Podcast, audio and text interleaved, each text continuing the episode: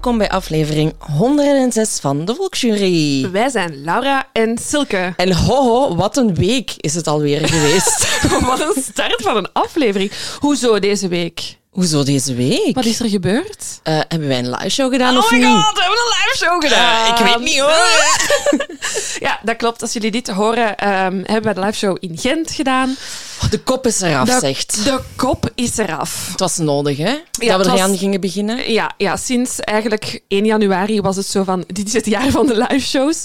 Dus dat moest er echt wel, allee, dat moest echt wel gewoon komen. Het moest er echt van komen. Ik zie, sorry, ik ben afgeleid, want ik zie opeens Lucie in de boom klimmen. Maar het is oké, ze raakt er wel terug uit. Anyway, Gaat het kunnen loslaten? Of we moet het zullen even- zien. Ja? nee, we gaan het kunnen loslaten. Oké. Ah, echt een helikoptermoeder die Ja, zulke ik weet het, ik moet dat leren loslaten. Dus Maar stop dan met ernaar te kijken. ik zie zo'n wit puntje. Zwat, de live shows. ehm, ja, was leuk. Oh, ik was Hoe heb jij het beleefd? anders dan u, denk ik. Ja, dat denk ik ook. Ik was eigenlijk ehm, vanaf het moment dat wij nog even overlegd hadden over hoe en wat en de doorloop hadden gedaan met eh, de productiekant en zo, was ik eigenlijk heel kalm. Ik was wel eh, zenuwachtig. Af en toe kwam dat wel zo binnen van, oh, het gaat eindelijk gebeuren. Maar ik voelde me wel echt goed. Ik dacht, oh, ik heb er zin in. En dan eh, keek ik naast mij en dan lag Laura op de grond te op, dat op dat moment was ik even aan het doodgaan. Even die beentjes in de lucht op de grond gaan liggen. Een paar ademhalingsjes. Eh, Ja, ja, ze staat vaak hoog, hè, uw ademhaling. ja, hij zat heel hoog. Hij zat heel hoog. Maar ik vond het wel heel leuk. Uiteindelijk, eens we dan op het podium stonden, was het voor u ook leuk, Ja, hè? was het heel leuk. Ja. Ja, dus bedankt om allemaal te komen. Ja. We zijn vol in voorbereiding nog voor de andere live shows. Ja. Dus ehm, ja, ik heb er wel heel veel zin in. ja, en het ding is, als ik zo achteraf de foto's, want mensen taggen ons dan op foto's, en dan ben ik wel zo, oh my god, het zag er wel echt... Volgens mij we, allee, had ik het ook wel graag gezien of zo. Ja. Het zag er ook wel leuk uit. Ja, vind Ja. het, met ons team hebben we dat goed gedaan. We hebben dat heel goed gedaan. Wil- we willen ook even graag Casa bedanken, eh, die ons decor heeft eh, voorzien. Waarvoor het dank, want zeteltjes, super comfy, schoon plantjes, mooi tafeltje. Ehm, bedankt ook aan Henk Rijkaard voor het Ja. eh, maken van de bordjes. Je hebt zo van die nummerbordjes dat mensen op een crime scene zetten. Je kent het sowieso uit films. En blijkbaar konden we dat nergens vinden in die grootte, dat dat zichtbaar was voor het publiek. Dus Henk Rijkaard die had zoiets van... Say no more. Ik ga plastic buigen. Er is een filmpje van op YouTube te zien. Het is heel cute. De Echt. politie weet waar dat ze moeten zijn als ze nieuwe bordjes nodig hebben. Ik wil ook nog zeggen dat we niet alleen eh, de bordjes hadden, maar er was ook een kroon voorzien. En het publiek heeft ook voor mij gezongen, omdat ik mijn 32e verjaardag die dag vierde. Ja. Dus Laura had dat weer allemaal goed geregeld. Al die verrassingen. Nee, het was heel leuk, was heel lief. Dankjewel. En mijn ouders waren er ook opeens. Ja, als verrassing. Die, die zei, ja nee, we kunnen niet komen met ons, ehm, met ons werk. Hè, want ja, van Hasselt naar Gent, dat is wel heel ver. En wie vloepte er daar opeens omhoog in het, eh, in het publiek? De Anne en de Ivan. De Anne en de Ivan. Ja, dus superleuk is de eerste keer dat ik tegen u heb gelogen hè, in mijn leven. Ja, want op de gastenlijst stonden ook zo compleet andere namen. Ja. Ik dacht, ah ja, tof, er komen vrienden van Laura. Ja. Nee, nee, dat was voor Anne en Ivan. Ja, dat was echt... Ja, vond ik wel heel moeilijk. Omdat dat zo'n dag is... We, allee, alles daaraan beleefden we samen. En dan waren er bepaalde dingen, zoals die kroon hè, die naar beneden kwam en de toeters in het publiek en uw ouders in het publiek. Ik mocht dat niet zeggen. Ja, Dat vond ik echt heel moeilijk. wordt dat goed gedaan. Oh, dank je. was heel lief, dankjewel. Je gaat dankjewel. je 32e levensjaar nooit meer vergeten. Nee. Nee, nee, nee. Ik, ik hoorde van iemand van dat je eigenlijk je 32e verjaardag niet viert, maar dat, je u, dat ik nu eigenlijk al mijn 33e levensjaar ben ingegaan. En Ja. dat was even wel even zo... Oh, fuck. Oh my god, I skipped zo, zo, zo heb ik er nog nooit naar gekeken. Nee, nee, dat is, ja, eigenlijk. eigenlijk is dat zo. Great, tof, Ja. bedankt. Ja. Nee, we hadden het hier ook op voorhand over.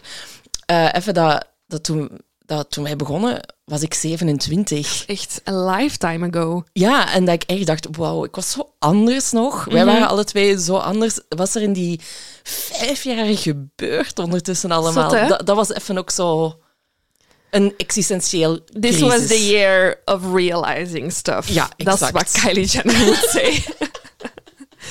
Ehm, verder wil ik gewoon nog een praktische mededeling doen. Eh, ik heb vorige aflevering een oproep gedaan voor jullie verhalen opnieuw in te zenden. Eh, ik heb die allemaal al in de mapje gestoken, Silke. Ehm, jullie hebben zich supergoed gehouden aan wat we hebben gevraagd, namelijk één A4 en een aanlokkelijke titel. Ehm, ja, het is heel moeilijk om nu al niet zo te beginnen open klikken en te lezen, want jullie zijn heel goed in zo teasen en spannende titels en kijk er wel naar uit. Ik wil gewoon zeggen dat ehm, misschien deze week de laat- laatste week is om in te zenden, dus zet u aan uw bureau, schrijf uw verhaal als je het graag in de podcast wil.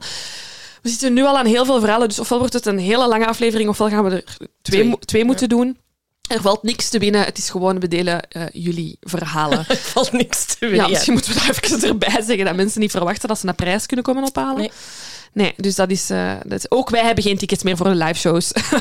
Laat dat duidelijk zijn. Ik bedoel, Stop de DM's. stop de DM's. Nee. Ehm, nee, echt, ik bedoel, allee, ik heb echt ook al... Mijn moeder is kwaad als ze niet naar bepaalde live shows kan komen. Mm, dat snap ik. Dat snap ik.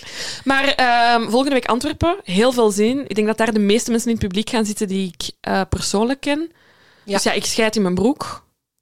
Ja, dat is, dat is voor mij ook de plek waar dat de meeste mensen gaan zitten die, eh, die ik ken. Dus, maar ja, kom, misschien ga ik dan iets meer zenuwachtig Ja, zijn. ik hoop het. Ik wil niet de enige daar zijn die op de grond ligt te Ik ga krollen zo van weer zo rollen met mijn ogen van, ach, daar gaat ze weer hoor. Nee, I support you. ik wil gewoon dat girl. je goed voelt. Tof. Ik ben ook nog deze week naar ehm, de show van Lieve Scheire geweest. Ah, Naar- ik, ik ga pas in maart. Ja, ik zal niet te veel spoilen, maar het is echt hè, over artificial intelligence. Ja. En het is...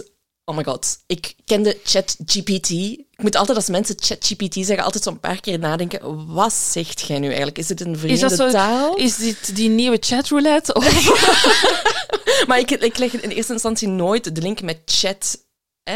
Maar ik denk altijd, wat zeggen de mensen? Ja, ja, ChatGPT. ja. Het is een rare combinatie van, van letters. En eh, ja, er is een hele wereld voor mij opengegaan. Ik dacht, ik ga deze aflevering eens proberen voor te bereiden met eh, ChatGPT. Maar ehm, Mhm. Niet ja, gelukt. Niet gelukt. ChatGPT kende de zaak nog niet. Oeh. Maar misschien in de toekomst. En dan moet ik denken, nobody's gonna know. Niemand gaat weten.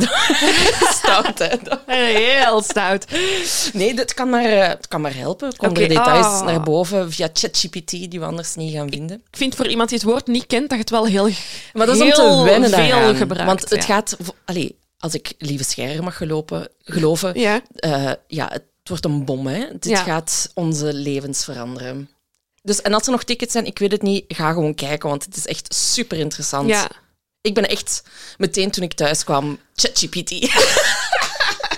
Oké, ik moet nog even wachten tot in maart, maar ik ben benieuwd nu. voilà, voilà. Heb jij nog eh, losse vlodders? Eh, nee, nee. Oké, dan ga ik gewoon zeggen dat deze aflevering gesponsord is opnieuw door HelloFresh. En Aniek heeft zich er ook eens een keer aan gewaagd. Ik had het... Ik Ah, Ja, had de, Dat is misschien, je zou het niet denken van ons, maar wij zijn de koeks thuis. Ja, ja, Hè? absoluut. Dus Silke maakt het eten thuis en ik maak het eten ja, thuis. en ik moest eh, een dag naar, naar Brussel hè, voor, voor mijn werk. En ik had tegen Aniek gezegd, kijk, hier is een doos van HelloFresh. Please, wilt jij een keer dat klaarmaken? En Aniek kookt op zich graag, maar niet zo als wij. En ehm, ik kwam thuis en ze zei, liefje, kom helpen. En ik zei, hoe kan dat nu? HelloFresh. Hoe moeilijk kan het zijn? Hoe moeilijk kan het zijn? Maar bon, dat, is, dat is geheel Aniek, want uiteindelijk... Super lekker, die heeft dat gewoon keihard gedaan. Ja. Maar dat was even kortsluiting. Maar toch, ze heeft de stappen gewoon gevolgd. En ze heeft dat super goed gedaan. Ik ben trots Dus op ik ben haar. super trots op haar. En nu weet ik, als er nog eens een HelloFresh box aankomt, dat ik die kan doorschuiven naar Aniek. Ik weet niet of zij Zelfs- er even blij mee gaat zijn. Zelfs Aniek kan het, jongens. Dus Ja. jullie kunnen het ook. Oh, dat gaat ze niet lukken. Nee, sorry Aniek, het spijt mij. Maar ze heeft dat keihard gedaan. Heeft dat Oké. keihard gedaan. Heel Voilà. goed. Eh, voor de mensen die zoiets hebben van, ja, ik ga ook vanaf nu alle kookduties aan mijn lief geven. Ik bestel ook een HelloFresh box. Dat kan. En we hebben een kortingscode, zowel voor nieuwe gebruikers als voor eh, oude HelloFreshers, mensen die al meer dan drie maanden geleden hun lidmaatschap hebben opgezegd. Eh, en dat kan met de code HelloJury75. Eh, dus gewoon naar hellofresh.nl of hellofresh.be surfen en die code ingeven. En dan krijg je wel 75 euro korting op je eerste drie boxen. Dat is niet niks, hè? Dat is niet niks. Dat zijn is, drie tickets voor onze liveshows. Ik vind dat veel. Dat is veel. Kijk, voilà. Voilà, wou ik even meegeven. Heb jij nog eh, tips? Ja, ik heb een tip. Ik zit er wel nog middenin, dus ik weet niet of het eh, zo goed blijft als ik het nu vind. Het is een podcasttip. Eh, het is een nieuw seizoen van Suspect en deze heet Vanished in the Snow. Het gaat over eh, een jong meisje, Janelle, dat thuis eh, komt. Haar ouders zijn op dat moment niet thuis en haar zus ook niet. Ehm, en zij komt thuis van een koorrepetitie of van een kooroptreden. Eh en niet veel later komt eh, haar papa thuis. Eh, haar schoenen zijn uitgetrapt thuis. Het is duidelijk dat ze thuis is geweest. Maar ze is nergens te vinden en ze is vermist tot op de dag van vandaag. Oké. En het is een onderzoek naar wat kan er gebeurd zijn. Wie zijn ze vergeten. Het is nog eens zo'n goeie all-American podcast over true crime. Oké, ik ga luisteren. Voilà. Alsjeblieft. Eh, ik heb ook nog een eh, podcast in de aanbieding, eh, Frozen Head. Oh, het blijft wel zo wat snowy. Ja, maar het gaat toch een heel andere kant Ah, oké. uit. Ehm, het wordt gehost door de dames van Morbid. Ik heb daar zelf nog niet naar geluisterd, maar ik vind dat ze dat heel tof vertellen. En het gaat eigenlijk erover van... Oké, we zijn al dood in, in deze podcastreeks. Uh, maar wat gebeurt er met ons lichaam? Hè? We hebben de klassieke methodes, we worden begraven, worden gecremeerd. Maar er zijn ook mensen die later in de toekomst terug tot leven willen gebracht worden. Ja. En vandaar Frozen Head, die mensen worden ingevroren. Maar het gaat erom in de reeks, het zijn zes afleveringen, ik zit ook nog maar in aflevering vier. Uh, maar het gaat erom van, oké, er is een familie, daar sterven mensen. Wat moet er met die lichamen gebeuren? Hebben die gezegd dat ze dat willen, ingevroren worden of niet? En het gaat eigenlijk helemaal over een bedrijf in Amerika dat in de jaren tachtig is opgericht en zich daarmee bezighoudt. En ja, zo de ethische kant daaraan. Oké, het is wel heel interessant. Um, en dan heb ik nog een uh, documentaire tip op Netflix. Uh, The Volcano Rescue from Wakari. Heb je die al gezien? Nee, ik heb de trailer gezien. Oeh, Aniek en ik Maar dachten... er is een Belg bij betrokken, hè? Nee?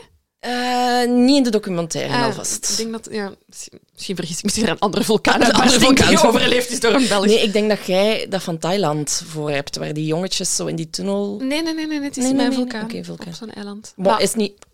Het is niet in ieder geval gezegd geweest dat er een Belg was, maar um, wij dachten, we doen een gezellige tv-avond. en dan kies je voor documentaire.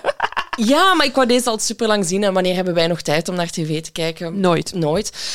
Um, en dit is niet voor de gevoelige zieltjes, deze documentaire. Het gaat erom, dat uh, ik weet dat nog heel goed, toen dat gebeurde, dat is in 2019, is er in Nieuw-Zeeland een vulkaan ontploft.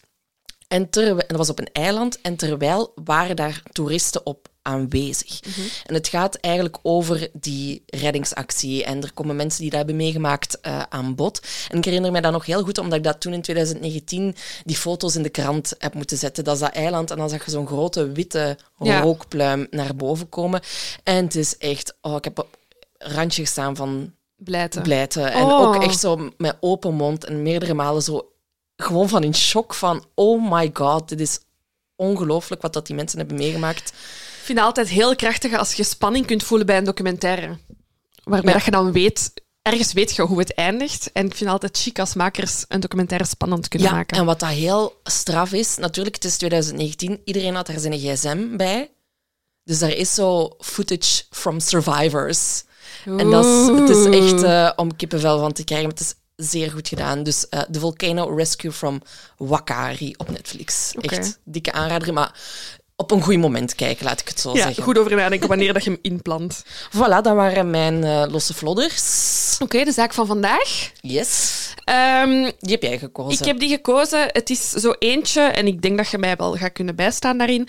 Je leest dit en je denkt, hoezo? Ja, ja, ja, ja. Het is zoiets waarvan je denkt, uh, uh, als ik het lees, geloof ik... Uh, wat is een feit dat je leest of dat je weet dat echt gebeurd is, waarvan je denkt dat het niet echt gebeurd is, waarvan je echt niet ja, ja. gelooft dat het gebeurd is. Dat heb ik een beetje bij deze zaak. Elke keer denk ik, ik ga erover opzoeken en het gaat toch fictie zijn. Maar dat is het niet. Maar dat is het niet, because this is a true crime podcast. Let's dive in. We zijn in 1998 in België. 22 juli, de dag na onze nationale feestdag. En VTM Nieuws opent zijn middagjournaal. In Kasterlee komen vier mensen om het leven bij een gezinsdoding. De man heeft er zijn vrouw en zijn twee kinderen gedood en heeft dan zelfmoord gepleegd. over de motieven van de man is voorlopig nog niet bekend. Dus wat is er eerder op die dag gebeurd? Mhm. Ze zijn er in een doodlopende straat. Is er een auto gevonden die in vuur en vlam stond? Het was een luxueuze Mercedes, wordt er Mhm. al bij gezegd. Met bar en televisie aan boord. I oh my love God. the 90s! I love Dus zo them! Pimp My Ride, maar Ja. dan Belgisch. Ook zo, GPS? Nee. Geef mij een bar. Geef mij een tv. Televisie. Dat is wat ik nodig heb. Exact. En het is in die wagen dat eigenlijk die vier levenloze lichamen aangetroffen worden. Wie zit er in de auto? Ja. Ehm, aan het stuur, dat beeld ik mij in, ik denk aan het stuur, Leo Goossens, 49 jaar oud. En hij is een zelfstandige verkoper van bakkerijovens. Naast hem zijn vrouw Erna Ele, 47 jaar. Zij had een kinderboutique eh, in de streek. Eh, we zijn in Kasterlee trouwens. In, eh, zijn dat de Kempen? Mag ik dat zeggen? Tegenwoordig is dat... Wat is dat daar zo? Die regio Antwerpen is dat tegen. Daar is veel om te doen. Dus tegenwoordig heet, denk ik, eh Kasterlee regio Antwerpen. Ehm, hun dochter Anne, 24 jaar oud, zij was aerostess bij Sabena. Amai, dat klonk heel Brussels, waarvoor mijn excuses. aerostess. Hup. Eh, en Bob, 19 jaar, hij is student en amateur wielrenner. De zoon van het gezin. Ja, en ze gaan eigenlijk dan meteen op zoek naar motieven, uiteraard. Want Ja. waarom zouden deze vier mensen gestorven zijn? Hè? Ja. En, en ze gaan er eigenlijk al meteen vanuit dat Leo, de vader, ja, eh, d- ja, de rest van zijn gezin heeft gedood. En dan eh, zelfdoding heeft gepleegd. En eh, zo schrijft het laatste nieuws. Ja, hij had inkomensverlies, kon zijn luxe leven niet meer onderhouden. Zijn villa zou verkocht worden, omdat hij de huur niet meer kon betalen daardoor. Maar dan Gazet van Antwerpen die zegt dan weer van ja, het waren psychische problemen. Eh, hij kon ook weer niet verkopen dat zijn huurhuis werd verkocht. Dus allee, de, de molen is op gang eigenlijk. ja, hè? ja. Als laatste wil ik daar het volk aan toevoegen. En zij zeggen, niemand zal ooit weten wat de 49-jarige Leo Goossens dinsdagavond en woensdagochtend heeft bezield toen hij zijn vrouw, zoon en zijn dochter om het leven bracht en vervolgens zelfmoord pleegde. Leo Goossens had deze commentaren voorzien. Ja. En daarom keren we terug, Silke, naar 14 juli. Ja, dus dat is een aantal dagen, een dikke week, denk ik, hè, voor, dat, eh, voor de feiten. En dinsdag 14 juli komt er op de Humo-redactie een telefoontje binnen. Ehm, die Humo is een, eh, Bel- ja, een Belgisch magazine, een weekblad. weekblad, Ja. ja, inderdaad. Eh, en de man aan de telefoon zegt priester te zijn. En hij stelt zich voor van, ja, kijk, ik ben een tussenpersoon. Kijk, eh, de situatie is als volgt. Er is een familie van vier en die willen niet meer leven. Want ze, zijn, ze leven in een wereld vol bedrog en niemand komt zijn beloftes na en ze zijn het kots, kots beu. En deze vier personen, ze zijn allemaal volwassen, die zijn ervan overtuigd dat ze een eind willen maken aan hun leven. En niemand kan hen op andere gedachten brengen, maar kijk, na gezinsdodingen komt altijd de vraag waarom. En deze familie wil graag haar verhaal doen. Ja. En ja, op de, op de humorredactie is dat zoiets van... Goh, eh, What the fuck? what the fuck? Dus er wordt zo wel even over, over nagedacht, maar bon, ze gaan er uiteindelijk voor. En op 16 juli, vijf dagen, dus voor eh, dat ze gevonden worden, trekt humorjournaliste Ingrid de Bie naar Leo en Erna. En ja, zij vertellen eigenlijk hun levensverhaal en het motief. Maar wel keep in mind dat dit allemaal vanuit hun standpunt is, natuurlijk. Ja, dus ehm, de feiten vinden plaats op 22 juli. En de volgende dag ligt dit interview in Humo in alle krantenwinkels. Waarin dus eh, Humo kopt van... Ja, dit is waarom deze vier mensen uit het leven zijn gestapt. We gaan even dat interview samenvatten, wat dat die mensen vertellen en hoe het komt dat zij eh, beslist hebben om uit het leven te stappen. En ehm, ja, dat Humo dit dus heeft gepubliceerd. Dus dit is geen fictie, hè, jongens. Dit Nee. is echt gebeurd. Eh, het eh, koppel eh, neemt- geeft het interview met twee, dus Erna en Leo geven het interview samen. De kinderen zijn daar niet bij. En ze vertellen eigenlijk, ja, we zijn in 1971 getrouwd.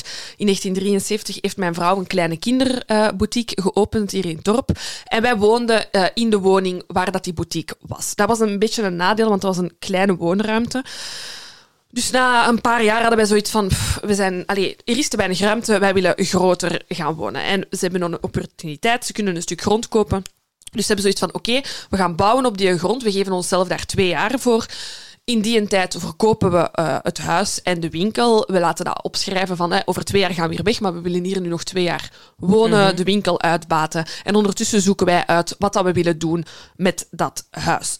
Ze vallen op een architect die in de buurt een soort van kasteeltje heeft gebouwd. Ze hebben zoiets van, dat kasteel, dat willen wij op onze... Ja. eh, Eh, eh, Ik wil gewoon even beschrijven hoe dat, dat kasteel Ja.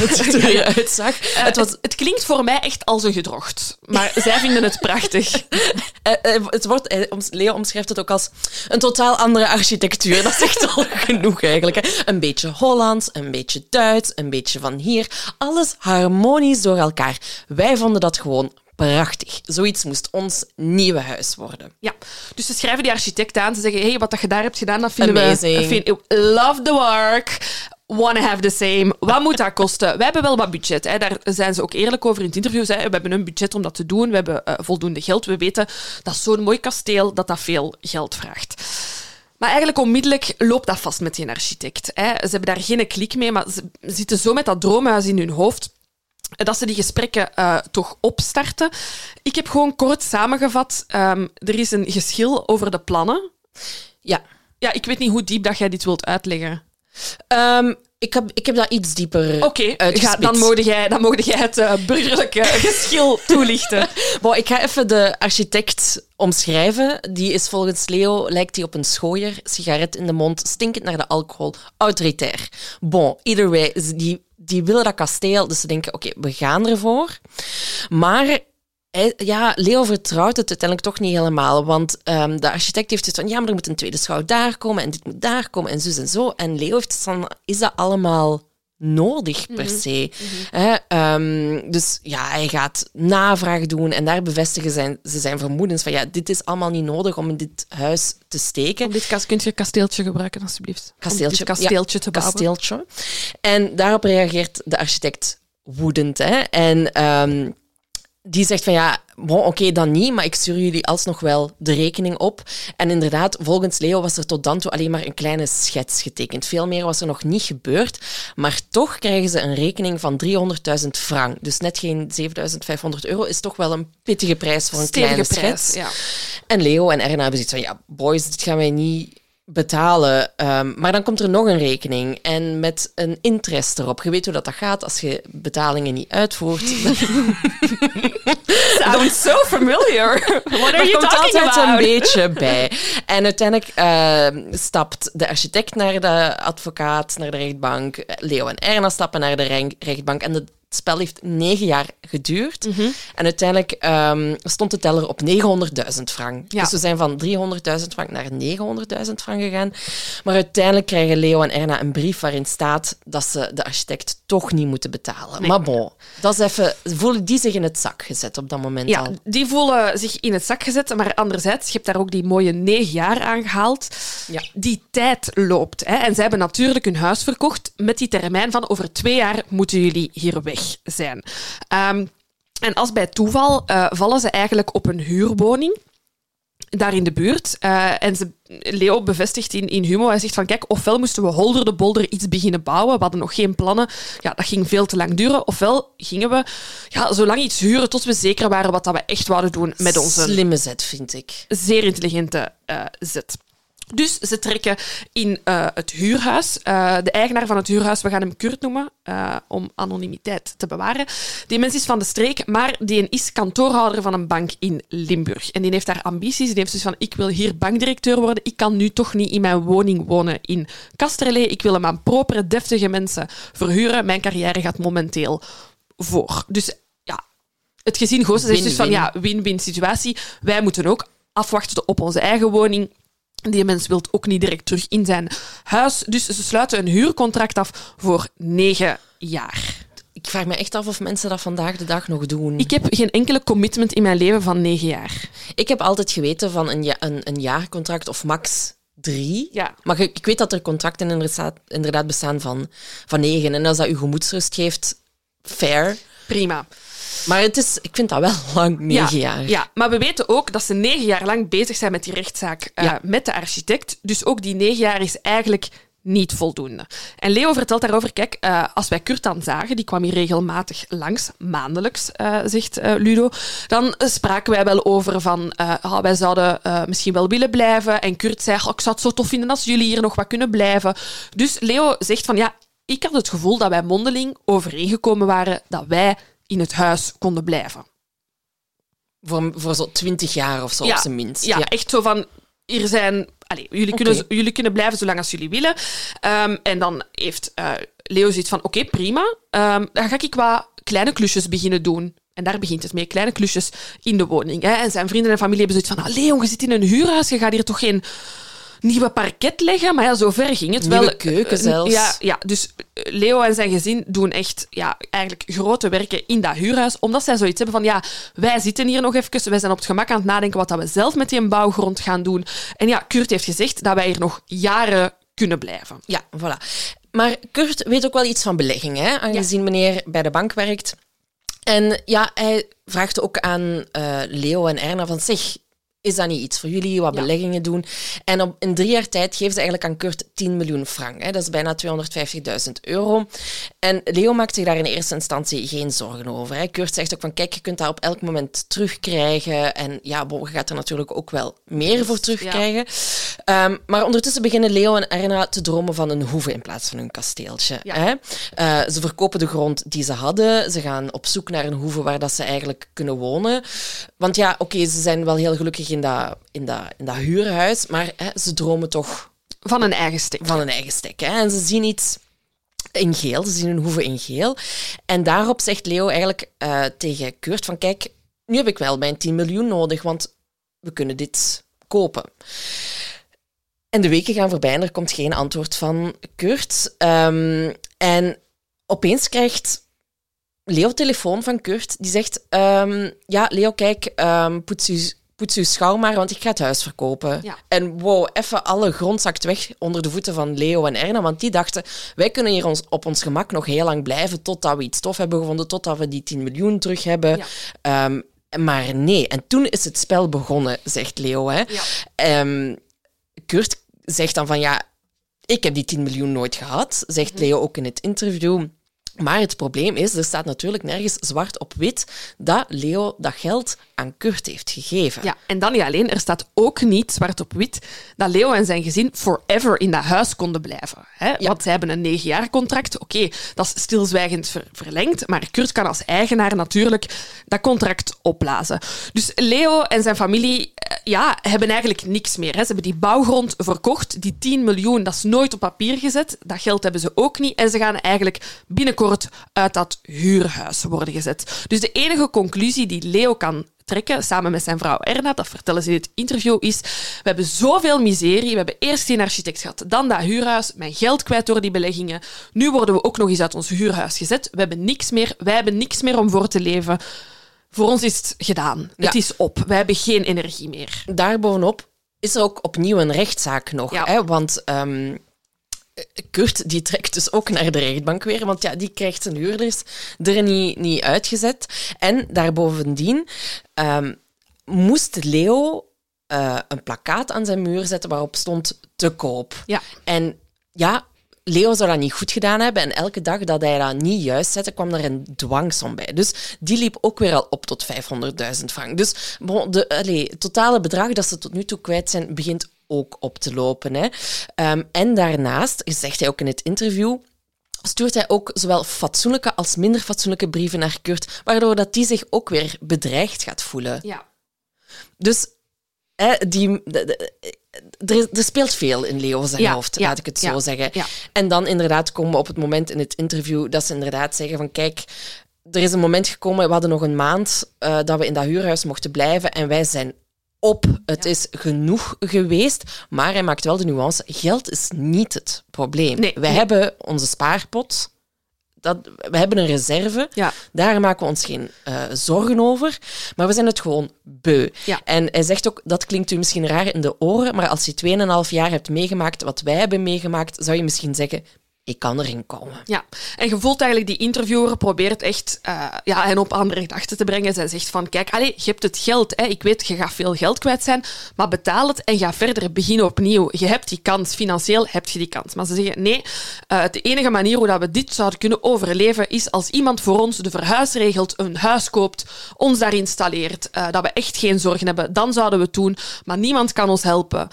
ons besluit staat vast. Ja, hij zegt ook, mijn energie is op, we doen niks anders meer dan eten en slapen. Eigenlijk zijn we al dood. Ja. En dan snijden ze een belangrijk onderwerp aan in het interview. Want Humo vraagt: laat u dan niemand achter? En Nee. Leo zegt: Nee, de kinderen gaan mee. en, Zullen we het even doen? Zullen we het even Ja, doen? ja, Dus ik ben, ik ben Ingrid. Oké, en hoe oud zijn die? Wacht, hè, want ik heb het niet. Ah, oké, oké. Ik heb het helemaal Ja, maar, uitgeschreven. maar. Dus Ingrid vraagt, ja, hoe oud eh, zijn uw kinderen? En Leo zegt, ja, nu krijg ik wel een beetje schrik van u. En Ingrid zegt, ja, ik moet dat wel vragen. Dat is wel belangrijk voor dit gesprek. Ehm, en Leo antwoordt, ja, als het, eh, als je het voor u houdt, is het goed. En als je het straks publiceert, is het allemaal goed. Maar ik wil niet dat je naar de politie stapt en zegt, die mensen zitten erdoor en ze gaan hun kinderen meenemen. Dus Humo, hè, ons Ingrid vraagt nog eens, ja, maar weten de kinderen van uw plan? Ik ga even letterlijk zeggen wat Leo eh, heeft geantwoord. Hij zegt, ze weten het. Wij zijn een clan. En dat komt misschien dikke nekkerig over doordat we een clan vormen. Ze hebben anders dan de anderen. Andere mensen voelen meteen dat ze hier niet binnen geraken. Die voelen die hechtheid van de clan zo aan. Ingrid stelt nog eens dezelfde vraag. Ze blijft duwen op die wond en zegt, ja, gaan de kinderen hiermee akkoord? En Leo zegt, we hebben het natuurlijk niet open en bloot tegen hen Nu gezegd. komt de aap uit de mouw. Maar we hebben hen gevraagd. Stel dat we met vier in een bus zitten en die bus slaat om en wij zijn met twee dood, zouden jullie dan willen blijven leven? Nee, dan zouden ze liever ook dood zijn. In die zin hebben we al tientallen vragen gesteld en ze willen niet in de steek gelaten worden. Dat zal die hechte band zijn, die clanvorming. En Humo vraagt nog een laatste keer van, ja, zijn die kinderen niet oud genoeg om voor zichzelf te zorgen? En Leo zegt nee. Ja en nee. Als er echt iets moet, dan gaat alles. Maar wij zien dat anders. Wij willen de kinderen dat verdriet niet aandoen. Want als wij sterven, duurt het minstens twee jaar voor ze dat verdriet te boven zijn. En het eindigt met Erna, zijn vrouw, die zegt of hun hele leven. Ja, en Ingrid zegt dan nog... Ik hoop dat ik hier nooit iets over moet schrijven. En het antwoord van Leo is... Wees maar gerust, we doen het. Ja. En Ingrid die voelt de bui al hangen, dus die denkt... Oh, ik moet hier iemand over gaan waarschuwen. Dus die stapt naar de toenmalige burgemeester van Kasterlee, Walter Otte. Die contacteert op zijn beurt de commissaris. Er gaan agenten naar eh, de psychiater van Leo. Daar ging hij dan blijkbaar naartoe. Die brengen hem op de hoogte.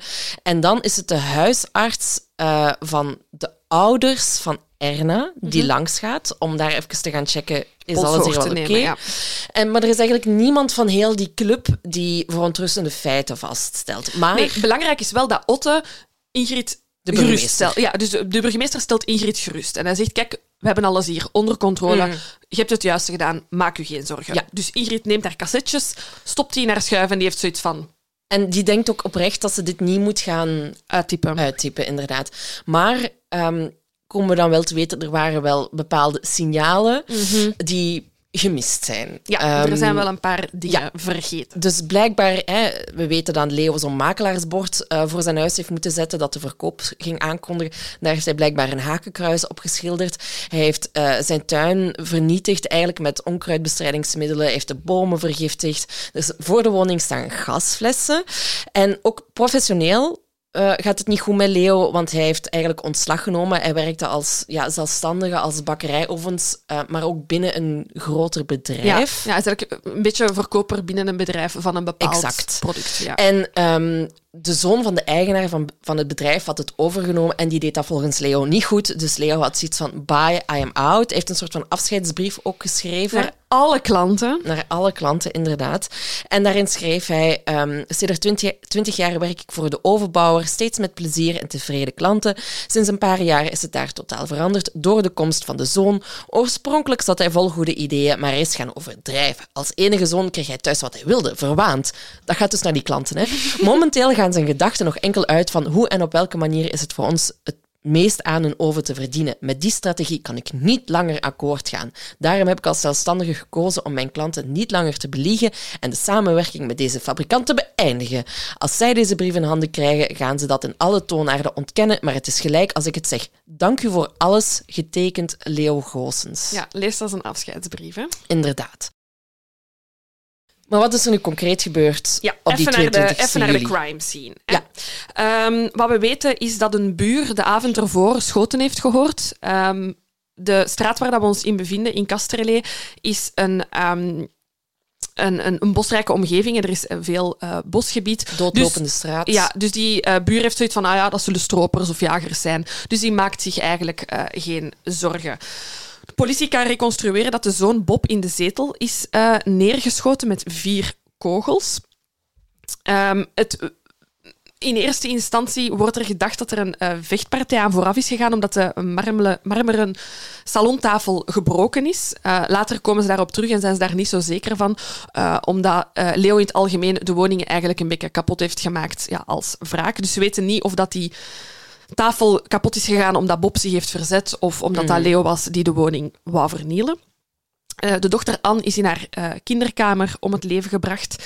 Zij woonde, dat vond ik heel eh, opmerkelijk, ze is eh, bij Sabena en ze woonde eigenlijk bij haar vriend in Brussel. Die was er niet bij, maar getuigen zeggen dat ze eigenlijk nog zelden thuis kwam, dus dat het uitzonderlijk was dat ze daar is eh, langsgekomen. Politie gelooft dus dat ze met een smoesje naar het huis gelokt is. En echtgenoot Erna is in de kelder gestorven, naast de zonnebank, random plek. Ehm, voor haar dood zou ze nog een slok Genever hebben gedronken. Ehm, en van haar gaan ze ervan uit dat ze op de hoogte was van de plannen, want zij heeft een afscheidsbrief naar haar ouders gestuurd en die is daar in de brievenbus gevonden. Leo zal eh, dus de drie mensen hebben doodgeschoten, ze in tapijten gewikkeld, in zijn fucking chique Mercedes geladen. Hij is daarmee naar een afgelegen bosje, eh, straatbosje eh, aan de maisvelden gereden en zou zichzelf ehm, daar hebben doorgeschoten, eerst zijn auto in brand gestoken en dan zichzelf hebben doodgeschoten. Daar blijft het natuurlijk nog niet bij. Nee, want dit had echt, dit had echt een, een ramp kunnen zijn. Ja, want de hulpdiensten die reppen zich dan ondertussen ook naar het huis van Leo en Erne. En zo staat het in de, in de artikels, eh, het huis was een tikkende tijdbom, letterlijk. Want ehm, Leo had er één grote booby trap van gemaakt en dat bij het minste vonkje alles de lucht in kon gaan. Hè. Dus hij had alle gaskranen opengeplaatst. Hij heeft een groot aantal butaangasflessen in huis gezet. Hij heeft een paar jerrycans benzine uitgegoten. Ehm, dus ja, voeg daar nog benzinedampen aan toe, staat er in het artikel. En je hebt een bom. En ehm, het huis was ook zodanig goed geïsoleerd dat niemand het van buitenaf had kunnen ruiken, eigenlijk, dat er iets aan de hand was. En als iemand op de deurbel zou drukken, zou het huis in de lucht gevlogen zijn. Ja, samen met de halve buurt. Ja, dus eenderd welke schakelaar dat daar was omgedraaid, ja, Ja. was gewoon... Een hele, een hele woonwijk was gewoon weggeblazen. Iemand die even op bezoek kwam, even langskwam, Kurt misschien, die even kwam checken. I- Iemand... het- Allee, als ze niet snel genoeg waren geweest, was het echt een dikke ramp geweest. Ja. Ehm, en dan ja, hè, het artikel verschijnt Mhm. met het interview. En dat wordt ook aan. We kennen al die spotjes met Guy Mortier, hè, de hoofdredacteur destijds van Humo. En ja, die zijn altijd wel zo wat ludiek, die spotjes. ja. En hij quote, ik quote hem. In de spot zegt hij: Gisteren nog aan gene zijde, deze week in Humo. En het is een nationaal uitgezonden radiospot. En ehm, iedereen heeft zoiets van. Waar gaat dit eh, over gaan? En ehm, de titel van eh, de, de cover van Humo is De viervoudige zelfmoord tussen aanhalingstekens in Kasterlee. Humo sprak met de daders. Ja, kopen. En- Winkel, hop, in. Hopla. Maar onmiddellijk komt er ook een golf van kritiek hè? Ja. op de Humo, op de cover, op het artikel zelf. Ehm, zelfs de Vlaamse mediaminister gaat er zich mee moeien. Ja, ja, ja. We hebben hier een paar ehm, reacties opgeschreven. Ehm, zullen we de eigenaar Kurt voor het laatste houden? Ja. Ehm, dus iedereen heeft hier een zegje over. En de eerste is mijn favoriet. Dat is namelijk Dag Allemaal. Want, Zo. want Dag Allemaal ehm, zegt... Het is niet de eerste keer dat de cowboys van Humo zich vergissen. Humo is hardleers in de leugen. Scoren, sensatie, commotie en commercie. De vier pijlers van alles moet kunnen. Journalistiek, à la Humo. Zij vragen zich af of, of je het niet op een andere manier uh, kunt aanpakken en ze halen er eigenlijk direct zelf... Um, zelf een voorbeeld bij. Ze zeggen, kijk, we hebben enkele maanden geleden ook een raadloos koppel gehad dat ons heeft gecontacteerd. Zij gingen ook een dubbele zelfmoord um, uitvoeren, zeg maar. Hè. En ze hebben ons gecontacteerd via een brief. Wij hebben via een snelle en discrete reactie van de redactie ingegrepen. En die mensen zijn nu gelukkig in leven. Dit is hoe het moet. Als uh, Humo daarna dan vraagt, of Guy Mortier zich afvraagt of uh, zoiets op de cover zetten dat niet even sensationeel is, ontkent uh, dat mm allemaal in alle toonaarden. En dan is er ook nog uh, een professor toegepaste ethiek, uh, Koen Raas, die ook uh, in de kranten verschijnt. Dat, dat, dat, gebeurt dan. Hè. Als er iets mm -hmm. gebeurt, worden de dag nadien experts gebeld. En Koen die zegt, ik verwijt de journalist dat ze haar burgerplicht verzuimt als ze nu alleen maar had geweten van de zelfmoordplannen van het koppel, volstond de waarschuwing aan de burgemeester van Kasterlee. Maar die mensen hebben de moord op hun twee kinderen aangekondigd. Als je daar niet verder mee gaat, noem ik dat een zware tekortkoming als burger. Op journalistiek vlak heeft ze ook gefaald. Het hele verhaal valt immers na te checken. De journaliste controleert niets van wat die mensen vertellen, ze citeert ze gewoon klakloos. Volgens mij betekent het eigenlijke verhaal dan niets voor die dame. Is het daar gewoon om de sensatie te doen. Ja. Er wordt een professor in de filosofie, eh, meneer Etienne Vermeers, uh, uh, gebeld. En die aarzelt eigenlijk in eerste instantie om te reageren. Hij denkt er, hij filosofeert erover. En dan zegt hij, kijk, naar mijn inziens heeft de journalist haar plicht gedaan. Wat je wel kunt bedenken, is dat zoveel aandacht schenken aan iets wat uiteindelijk een maatschappelijk weinig relevant privégebeuren is, dat neigt misschien wel naar sensatie. Maar hij is ervan overtuigd dat de journalist heeft gedaan wat ze moest doen door, die hoofd, uh, door de burgemeester te bellen.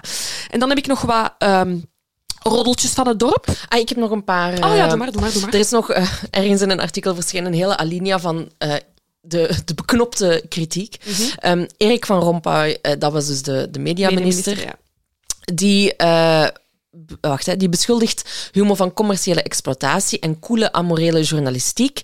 Um, Herman de Dijn, wacht hè, Nee, excuseer. We hebben nog Koen Raas, die achter Humo mee verantwoordelijk voor de dood van de twee kinderen. Volgens de katholieke intellectueel, tussen aanhalingstekens, Herman de Dijn, is Humo de cynische dienaar van een kapitalisme zonder scrupules.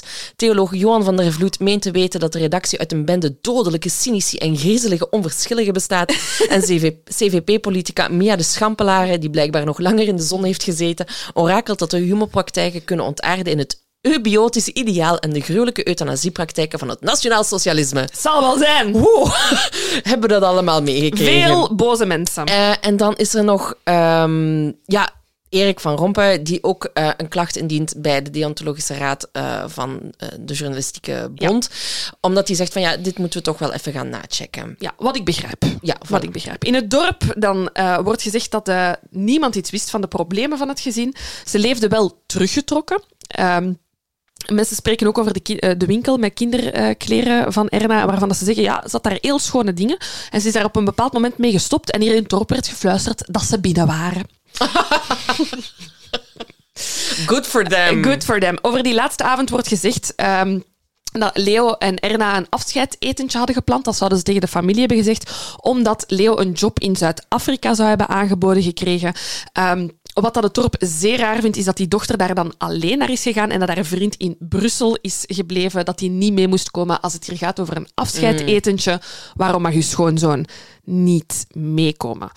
Uh, en dan rest er nog één laatste uh, reactie. En dat is uh, van de journalist hier aan tafel. Want we are so lucky. Maar dat moeten we... we Kurt niet nog eerst ah, ja, maar ik, ja, ja, ja, okay, Nee, nee, we zullen eerst Kurt doen. Maar dan, dus denk al maar goed nee, nee, maar ik zal, het, ik zal eerst dan mijn, mijn mijn mening zeggen. Ja, ja want uh, als laatste zullen we de eigenaar Kurt doen die eigenlijk een weerwoord heeft over de hele situatie. Maar ik vraag me af, jij als journalist, jij krijgt het telefoontje van Leo. Het, ga, het gaat um, om de motivatie die erachter zit. Hè? Waarom zou je zo'n artikel publiceren?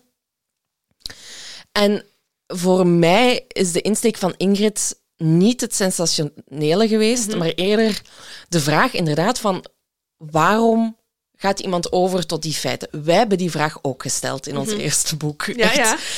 En voor mij is dit heel erg betekenisvol, omdat je niet vaak zo iemand aan het woord kunt laten die zoiets van plan is. Wat er iemand door die zijn hoofd gaat. En ik denk dat dit voor onderzoek bijvoorbeeld zeer belangrijk is geweest. Dus ik, ik vind dat Ingrid geen blaam treft. Om ja te zeggen op het interview. Exact. Ja. En ik vind ook, zij heeft meteen de burgemeester gewaarschuwd. Mhm. Die heeft haar gerustgesteld van, we zijn ermee bezig, we're on it. Wat kon zij nog meer doen dan... Als ze niemand had gewaarschuwd, zou ik het erger gevonden hebben. Want de politie was op de hoogte, de huisarts was op de hoogte, de psychiater was op de hoogte. Dus ja, ik vind niet dat zij nog iets meer had kunnen doen. Dat gezegd zijnde, ehm, vind ik dat Humo het misschien wel iets anders had kunnen aanpakken. Of ehm, ehm, het iets serener had kunnen aanpakken. Qua... Het interview zelf of de... nee, de cover. ja. De cover. Hè, want We dat gaan was echt, posten, jongens. Dat was echt gewoon in volle kopletters. Maar vind ik dat ze daarom door het slijk moeten gehaald worden? Nee, want kijk naar alle kranten in Vlaanderen. Als er ergens een eh, moord wordt gepleegd, het staat ook in volle dikke letters op de voorpagina. Ja. Dus dit, dit vind ik heel erg makkelijk Mhm. om Humo op deze manier door het slijk te halen. Dus ik zou ook geen nee hebben gezegd als het telefoontje gekomen zou zijn. Tuurlijk zou ik daar ook van wakker liggen en denken van, oh, had ik nog iets meer kunnen doen? Maar ehm, de, de, de, de deontologische raad, of, hè, ze hebben, de, de, de, vragen zijn er gekomen, die hebben dat onderzocht. Die hebben ook gezegd van, kijk, er treft niemand hier eigenlijk van de journalistiek of van Humo, treft hier schuld. Het enige wat ze hadden kunnen doen, is Kurt wat anoniemer kunnen maken. Ja. Wat, waar ik kan inkomen. Ja.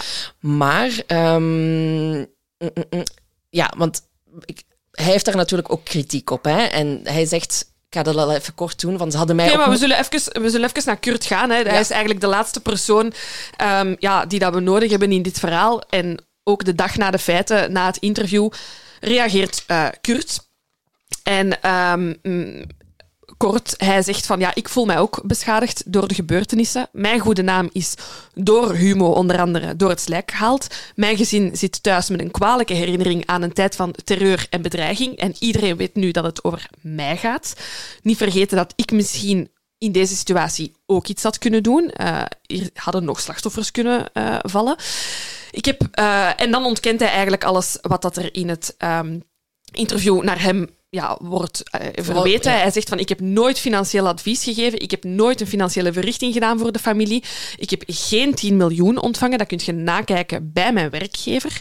Eh, ik vind het jammer dat bronnen niet zijn gecontroleerd. Waarom heeft die journalist inderdaad niet nagevraagd van hoe zit dat met dat huurcontract? Welke facturen zijn er gestuurd? Welk geld is er naar mij gekomen? Ehm, dat had makkelijk met mij gecheckt kunnen worden of met een advocaat gecheckt kunnen worden. En hij voegt eraan toe, tot op heden heeft het gerecht mij evenmin ondervraagd. Maar daar heb ik ook een antwoord op. Ja? Want je zou het inderdaad kunnen zeggen van ja, ze had de eigenaar ook moeten interviewen. Hij moet kans op weerwoord hebben, et cetera.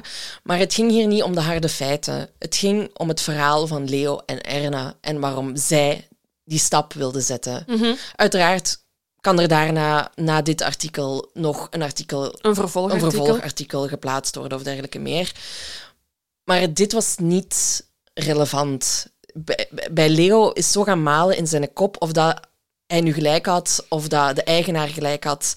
Het is zo beginnen malen in zijn hoofd allemaal. Ja, en de insteek van het interview is wel degelijk, wij gaan uit het leven stappen. Inderdaad. En Ja. je wilt dan gewoon weten waarom. En dan doet het er niet eens meer toe of dat hij gelijk heeft of niet. Mhm. Want Ingrid, de journaliste, heeft hem ook proberen om te praten. Ja. Hè, van ja, maar ja, nu gaat je de eigenaar gelijk geven. Nu laat je hem winnen door uit het leven te stappen. Er was gewoon niks meer aan te doen. Ik bedoel, hulpdiensten hadden natuurlijk wel nog iets kunnen doen. Mhm. Ehm, maar ik vind niet dat de eigenaar per se in dit artikel aan bod had moeten komen. Oké. Denk jij daar anders over? Nee, ik vind, ik, heb, ik, ik, ik, ik, ik wissel heel de tijd. Mm. Ik wissel heel de tijd. Ik denk gewoon, en dan spreek ik enkel voor mezelf, ik zou het lef niet hebben gehad. Als journaliste om. Ja, het ik had het doen. interview gedaan. Ik was ook naar...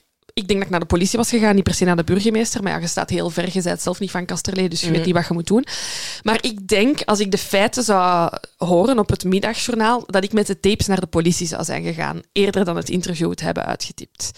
Maar dan spreek ik puur voor mij als karakter. Ja, maar kijk, zo werkt En ik weet ook niet of dat juist is, hè, maar ik ben ook geen journalist. Nee, maar dus zo werkt de is- journalistiek natuurlijk. Als er ergens, ik zeg het opnieuw, een moord gebeurt, ze staan de volgende dag aan die mensen hun deur om het verhaal als eerste te krijgen, Mhm. ongeacht waar dat het gerechtelijk onderzoek staat.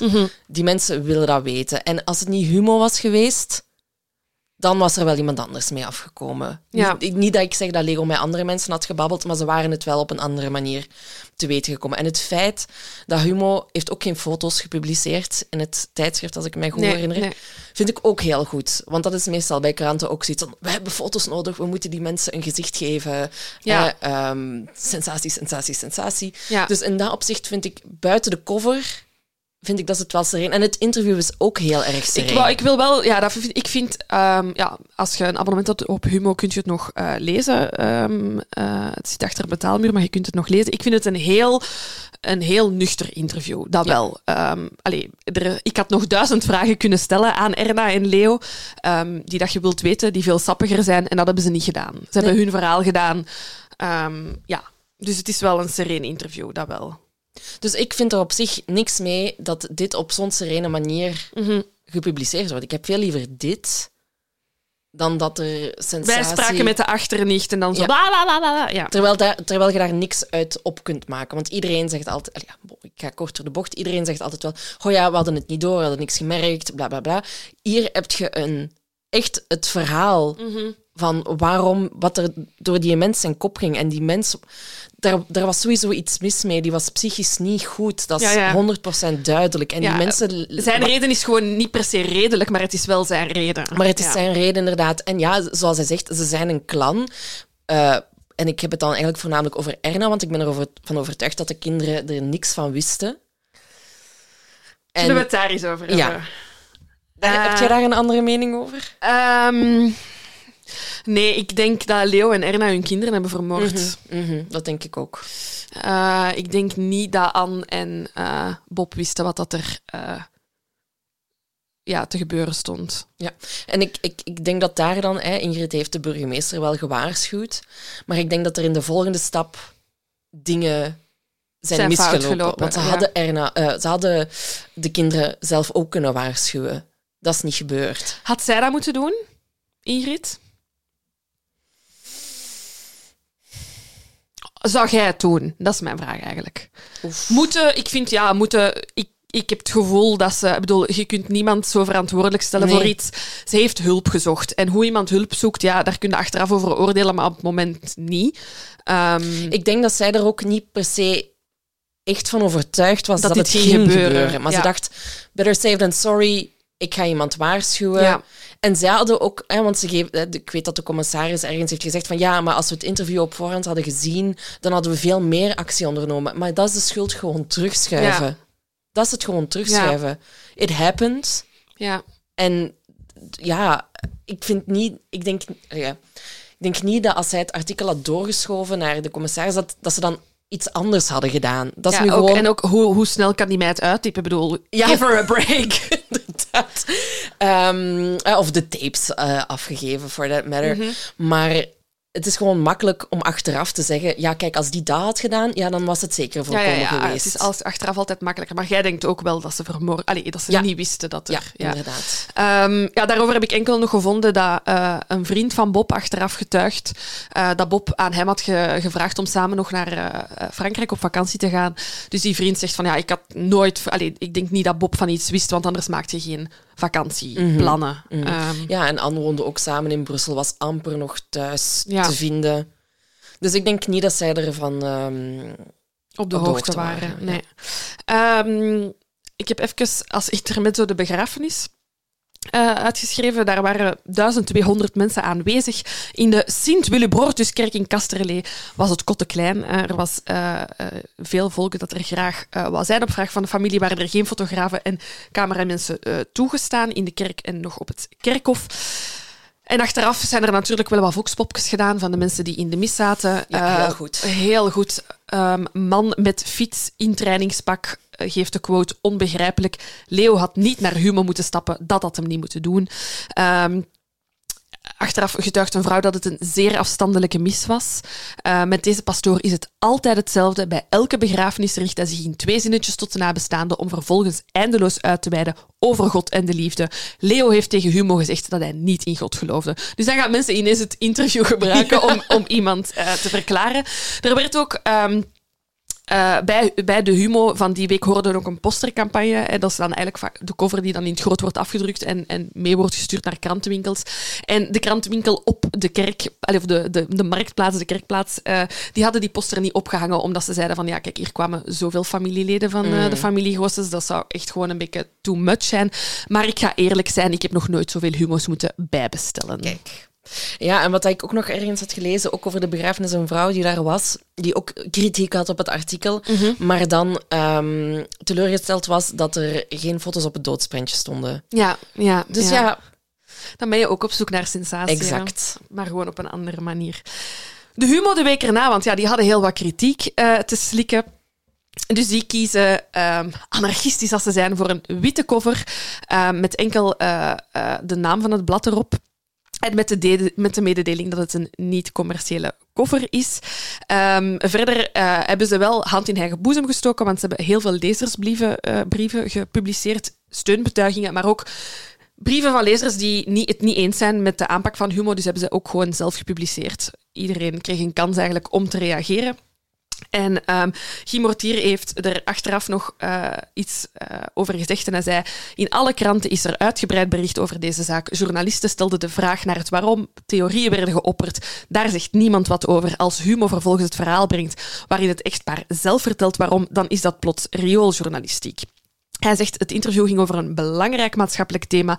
Mensen hebben een antwoord gegeven op de zo vaak gestelde vraag waarom plegen schijnbaar gelukkige mensen zelfdoding. Humo heeft dit op een serene manier gedaan. En nogmaals, de journalist heeft haar verhaal pas na de feiten geschreven. Zij had ook liever een ander einde gezien. En dat vind ik wel heel mooi samengevat of zo. Ja. Ja, en Ingrid heeft later ook nog wel uh, een, een, jaar later een getuigenis gegeven dat ze er natuurlijk ook nog nachten van heeft, heeft van wakker gelegen, maar dat ze wel geen spijt heeft van het artikel en dat ze vindt dat ze het juist heeft gedaan. Ja, ja ze heeft uh, gezegd van, kijk, um, als ik het, allez, vanaf het moment dat ik de telefoon heb opgenomen, moest ik hier uh, mee verder gaan. Uh, ik kon niet anders. Eenmaal dat die vraag was gesteld, zat het in mijn hoofd en moest ik ja, dit uitvoeren. Um, wat ik heel grappig vind, is dat ze achteraf zegt, na de publicatie van dit interview heb ik nog veel telefoontjes van mensen in nood gekregen mm. die hun verhaal aan Humo wilden doen. Met als hoogtepunt een vrouw die vroeg of ik haar meubels in bewaring kon houden. Ze stond op het punt om naar een kleinere woning te verhuizen, maar daar was geen plaats voor haar kast en haar sofa. Dus ze heeft veel trieste verhalen gehoord. Ja. En ze zegt, ja, dat heeft nog even geduurd. Nu krijg ik die vraag minder. Maar ze werd een beetje ah ja, als een maatschappelijke hulpverleenster gezien. Omdat ze ja, mensen in nood toch ja, een klankbord daarvoor ja. is geweest eigenlijk. Ja, en ik, wat we nog niet verteld hebben, is denk ik um, dat we zeiden van ja, het was een priester die naar Ingrid had gebeld, ja. maar dat bleek achteraf Leo zelf hoogstwaarschijnlijk te zijn geweest. Ja, ja die gewoon nog even zo wat... De kat, ja, de kat uit de boom wou ja. kijken of zo. Ja, maar ik denk dat ook wel, want als, als hij meteen zei: Ja, hallo, ik ben Leo Gossens en uh, dit gaan we doen. Plegen, ja. En dan uh, dat Ingrid zegt: Ah ja, maar we gaan dit niet doen. Dus ik denk dat hem daardoor die anonimiteit op dat moment nog wou bewaren. Ik vraag mij af, dat vraag ik mij dan ook af, was Humo zijn eerste telefoontje?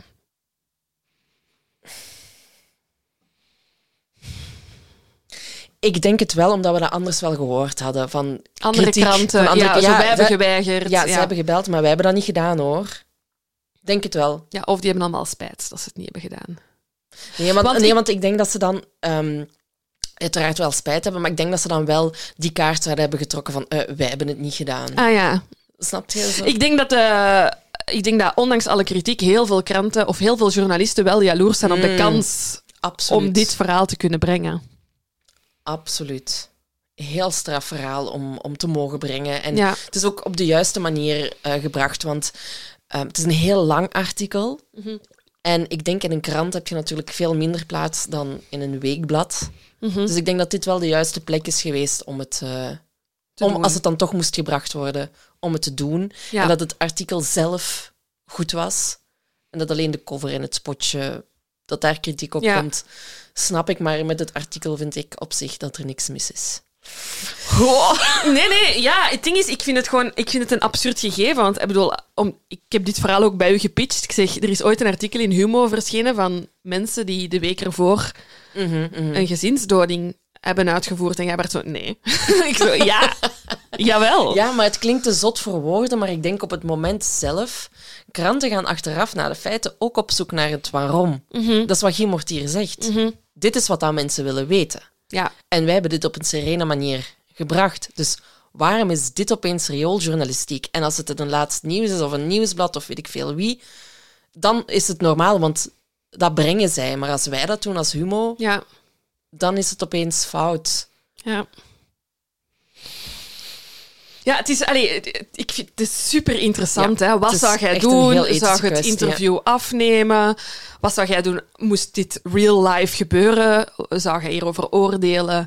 Ehm, ja. Kijk, ik denk dat bij ons altijd zo wel ook de vraag rijst van, maar waarom? Waarom wilt jij dit doen? Ehm, en ik denk in een groter maatschappelijk geheel dat dit natuurlijk wel heel interessant is, heel Ja. boeiend is om te horen. Ehm, en er is geprobeerd iets aan, allez, ze hebben getracht er iets aan te doen. doen, ja. En het zou anders geweest zijn als dat niet het geval was. Eh, eh, Op dat moment was er ook nog steeds niks gebeurd. Hè? Was er ook alleen maar het idee van... Ik heb meer problemen misschien met het feit van moordenaars aan het woord te laten komen achteraf, Mhm. na, de, na de feiten. Daar heb ik misschien meer moeite mee, omdat Mhm. je ze dan aan het woord Ja. laat. Daar Ja. heb ik, allee, ja, ja, ik snap wat je bedoelt. Ja. dan vooraf iemand zijn verhaal te laten doen. Die mens heeft zijn hart, hart eens kunnen luchten. Wie weet had het maar kunnen helpen, hè? Mhm. ja, ja, wie weet was het gesprek voldoende geweest. En dat hè. het dan gepubliceerd is, ja.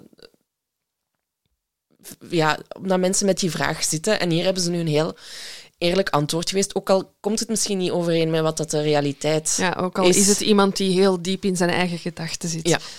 Ehm, ja, ik vind... eh, allee, eh, we hebben er inderdaad al in ons boek over geschreven en gezinsdoding is iets... is een heel moeilijk gegeven. Ook over Erna kun je de vraag stellen, is Mhm. zij meegesleurd in dit verhaal? Ik denk dat ze wel op de hoogte was, maar is dit voor Haar- haar, ja. de enige uitweg? Ehm, ja, ik vind het vooral echt sneu voor die kinderen. Ehm, Ja, want Ja. over Erna kun je ook nog afvragen. Die komt, die komt aan bod in het interview, Ja, maar die zegt twee zeer zinnen, weinig. ja. Dus dan is inderdaad de vraag van... Zit zij ook in die waan? Hè? Je- Mhm. Hoe heet dat? Deux, Ja. bijvoorbeeld. Is Ja. daar sprake van? Dat, dat weten we niet. Of was zij ook echt depressief? Want het is eigenlijk echt alleen Leo die in het interview zegt van... Wij zijn Ja. het beu. Wij zijn depressief. Mhm. En nergens bevestigt Erna dat Nee, ergens. nee. Dus dat is ook nog maar de vraag, hè? Of, Nee. of zij daar ook echt bewust voor gekozen heeft. Ja, ik denk dat... wat, er bij mij bij haar uitkwam, is dat zij inderdaad heel hard inzit met de kinderen. Mhm, mhm. ehm, en met die achter te laten. Als ze zegt, ja, dat is niet mogelijk, die kunnen niet voor zichzelf zorgen. Ehm, maar ik, ja, ik weet niet... Het ding is ook, als je het, als je het rationeel leest, en, en dat is wat, wat, wat Ingrid ook in haar vraagstelling, er is een uitweg, snap je? Je hebt, het, je hebt de financiële middelen om dit te overkomen. Mhm, Dat mhm. gaat niet fijn zijn, dat is veel geld dat je kwijt En dat bent. sukt. Dat, dat sukt niet normaal, maar je kunt, ik bedoel, ook dit is te overkomen. Ja. Hier geraakt je over. Ehm, maar die mensen zagen gewoon geen uitweg meer. Ja, maar niet voor iedereen moet er, weet ik veel, wat gebeurd zijn om op zo'n punt Nee, nee, te nee. Nee. En, en Ingrid heeft nog haar best gedaan om... Dat is een gesprek geweest van vier uur. Ja, En ze heeft dan de juiste hulp ingeschakeld, vind ik. En dan is het aan de anderen. ja, Om de mensen die, aan de mensen die Leo en Erna kenden. ja. Want het was, er waren wel signalen. Mhm. De gasflessen stonden klaar. De Waar- hakenkruizen. de hakenkruizen. Waarom heeft niemand toen gedacht... Volgens mij is het hier helemaal aan het mislopen. Nee, ja. En dat is wat ik bedoel met het is makkelijk om achteraf tegen in, Ja, ja, er is- over Ingrid te zeggen van eh je had meer moeten doen. Ja, ik denk dat het, eh, ja, de som der, der, der delen zal, Mhm. zal inderdaad wel... eh denk je dat het vandaag nog kan? Zeker. Ja. Ja, denk ik wel. Wie weet ontstaat er een heel andere heisa over, maar Ja, heisa zal er sowieso wel zal er sowieso zo zijn, maar inderdaad, hier is echt wel de taak van de journalist in vraag gesteld. Ehm, ja, dit eh, weegt... Nou, je moet, moet waarschijnlijk ook in het klimaat eh, van eind jaren 90 en media en, en grenzen die waarschijnlijk Mhm. al werden afge... Allee, ik vermoed dat dit niet zo uit het niks komt dat er kritiek op Humo kwam. Mhm, mhm. Ehm, ik vraag me af of het bij een ander blad evenveel kritiek was geweest. Hè. Van Humo was gekend dat ze wat provoceerde, wat pookte. Ehm, dus dat is natuurlijk dubbelop dan om Ja. dan kritiek op dit magazine te geven. Ehm, ja, Ja, maar dit was oef. het ongelofelijke verhaal van de familie Goossens. Heel straf. Ik had er nog nooit van gehoord. Nee, wel ja, ik ben er ook eens per toeval opgekomen. En dat heeft mij nooit losgelaten. Nee, maar ik, ik heb hier ook echt na de research echt ook nog over zitten malen van... Wat vind ik hier? Ja, maar en ook mijn gedachten veranderen ook heel de tijd. Ik blijf wel... Wat bij mij knaagt, is dat die, kinder, die kinderen mee zijn moeten gaan. Mhm. Dat knaagt. Maar vind je dat dat dan de schuld is van Ingrid? Ik vind dat niemand zijn schuld. Ik vind Mhm. dat wel jammer dat dat is fout gelopen. Ah ja, tuurlijk. Ja, ja. En ik denk, maar dat is gewoon puur persoonlijk, ik denk dat ik te emotioneel... Ik, ik vind... Ingrid is heel eh, rationeel en heel standvastig, wat ook nodig is om zo'n interview één af te nemen Mhm. en twee te publiceren. Maar ik zou, dat niet, ik zou niet zo rationeel zijn als zij. Jij zou het niet doen als ze u bellen en Ik zeggen... zou, jawel, jawel. Ik zou, jawel, jawel. Ehm, ook met het idee van, ik kan deze mensen op andere gedachten brengen. Maar ik zou buiten stappen en denken, dat is mij niet gelukt. Eh, ja, nee, ik je weet het niet, je weet het niet. Achteraf is het makkelijk gezegd, hè? ja, ik denk gewoon wel dat ik naar de politie zou stappen eerder dan naar... Ja, maar pas op. Pas op. De, burgemeester, pas op. de burgemeester staat ook natuurlijk boven de lokale politie Ja, ja, daar. ja, ja, daar heb je een punt. Ja, En die weet heel veel over de families die in zijn gemeente ja, ja, daar heb je gelijk. Ja, ja. En dan moet het naar beneden sijpelen. ja, Dus ja, en dat is ook gebeurd, maar niet voldoende. ja. Dus wat mijn mening, laat gerust weten wat jullie ervan Ja, vonden. De benieuwd. discussiegroep Ja. is open for discussion. Ja, ik ben heel benieuwd wat dat jullie ervan vinden. En mensen met een abonnement op Humo, lees het gerust zelf eens Ja. en eh, zeg wat je ervan vindt. Heel zot artikel, ja. Ja. Straf. Goed, was, het? het. Volgende keer jullie verhalen dan? Of... Eh, ja, kan. Want we denken nog eens over na, maar stuur ze, stuur ze volgende week, Ja, laatste tegen week. de, tegen de volgende aflevering moeten we jullie verhalen hebben. Oké, wij denken er nog eens over na wat dat we gaan doen. Ja, voilà. was. Dag! Doei!